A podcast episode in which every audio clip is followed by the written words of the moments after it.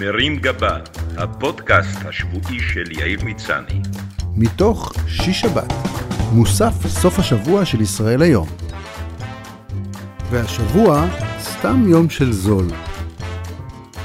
כל ישראלי היה בשיעור הכלכלה מספר 1, שבו לומדים לקנות בזול ולמכור ביוקר. אבל לא כולם מוכנים להתאמץ יותר מדי כדי למצוא את הבזול. בשבועות האחרונים קמה סערה גדולה בעקבות חשיפתו של אתר אינטרנט סודי לחרדים בשם שופרסל מהדרין. אני הייתי הולך על השם שופרסל, שמאפשר לרכוש אונליין אותם מוצרים שיש בשופרסל, רק במחירים נמוכים יותר. What the? לומר את האמת, לא הזדעזעתי ולא הבנתי על מה המהומה. הרי אותם מוצרים אפשר לרכוש ברשתות שיווק שונות, ובכל סניף, תלוי היכן הוא ממוקם ואיך הוא ממותג, המחירים שונים. לחלק מהרשתות יש תת-מותג, וגם שם יש רמות מחיר שונות. שופרסל דיל יותר זול משופרסל אקספרס ומשופרסל שלי, שלא לדבר על רשתות כמו אושר עד, חצי חינם או חצי פג תוקף. חילונים רבים שהרגישו מרומים קראו להחרים את שופרסל, והחברה כבר הספיקה לעשות רוורס עם העגלה ולסגור את הערוץ המדובר. אני חייב להודות שגם את רעיון החרם לא ממש הבנתי. במקום להחרים, החילונים היו אמורים להצביע ברגליים ופשוט להזמין בשופרסל מהדרין. לא נראה לי שלסופרסל אכפת מי קונה, או שהם מבקשים ממך בכניסה לאתר סיסמה ביידיש.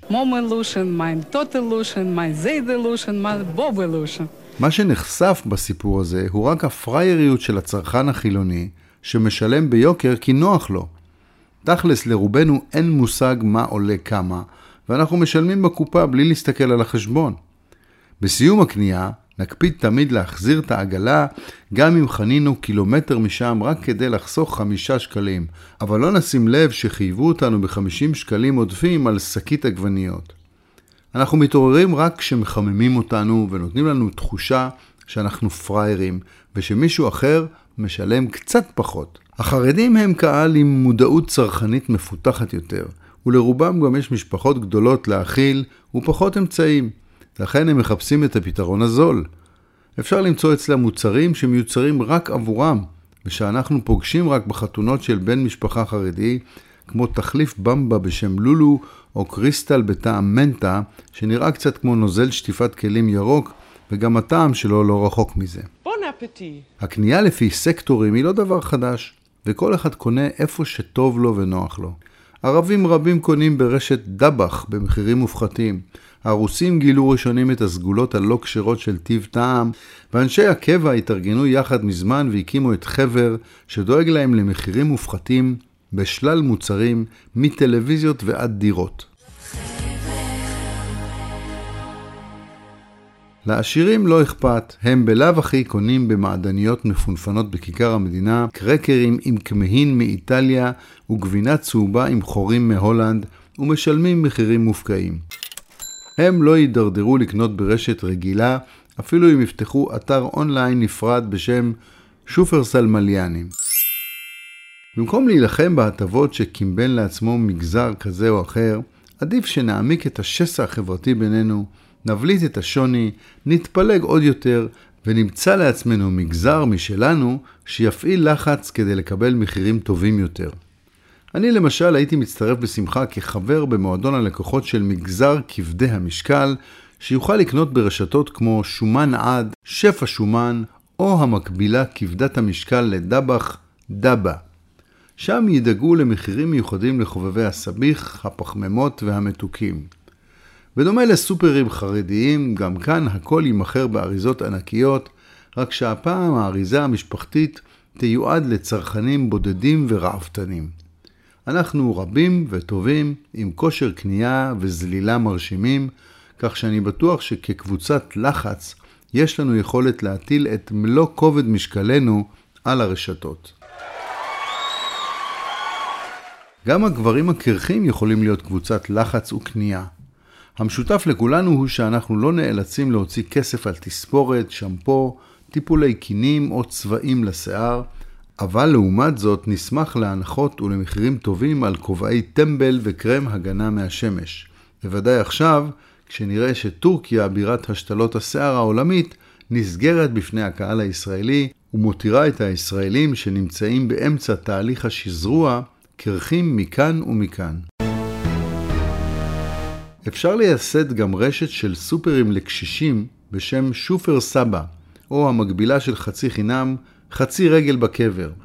העגלות שם ינועו לאט יותר, לכל עגלה יצורף כיסא שיאפשר לנוח כשמתעייפים, העגלות יוכלו להירתם לקלנועית, ובמערכת הכריזה ידברו לאט וברור יותר, כולל הוראות בפיליפינית.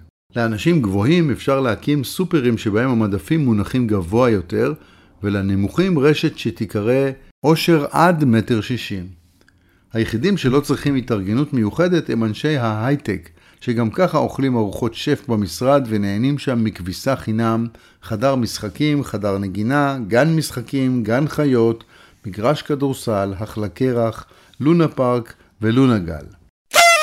כך נציל את הסביבה. כינוס האקלים בגלסגו הסתיים באכזבה ובהרגשה שכולם מדברים הרבה אבל עושים מעט. ברור לכל שאת המהלכים המשמעותיים צריכים לעשות ממשלות, אבל נשאלת השאלה במה אנחנו הקטנים יכולים לסייע. לדוגמה, בתוך כמה שנים כבר לא יהיו כנראה מכוניות שנוסעות על בנזין וסולר, אלא רק מכוניות חשמליות. נשאלת השאלה, מה האנושות תעשה בכל המכוניות הישנות, ואם בהתחשב במצוקת הדיור שפוקדת אותנו, לא כדאי להפוך אותן לדירות מגורים.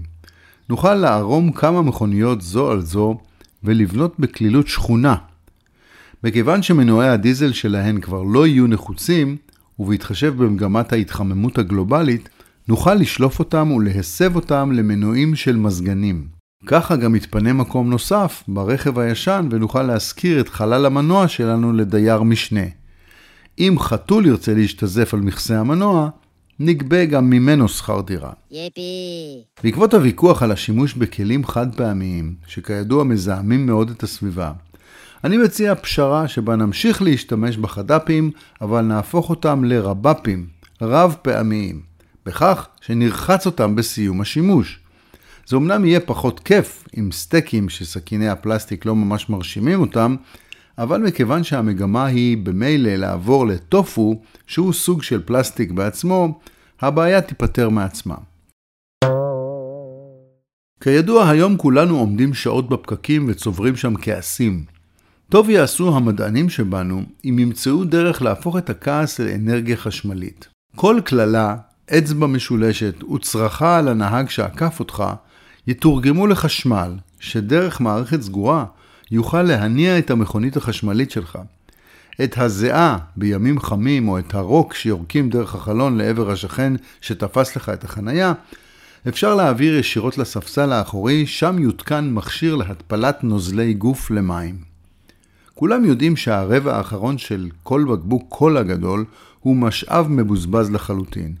אם נאגור את הנוזלים האלה מכל בקבוק ופחית ונוסיף את הבוץ שנשאר בתחתית כוסות הקפה, נוכל לייצר מהם חומר ניקוי או דשן לשדות. גם את המנהג הישראלי להשתין בכל פינה ומתחת לכל עץ רענן אפשר לנצל לטובת האנושות ולהמיר לאנרגיה. אם הנהגים ימירו את האנרגיה שמתבזבזת בהליכה מהרכב לעץ שבצד הדרך, ונדאג שכל הנוזלים שנפלטים שם ינוקזו לעבר סכר ייעודי, נוכל לייצר מהמפל המרהיב שייווצר אנרגיה שתספיק להאיר ולהסריח את כל רמת גן. שבוע טוב.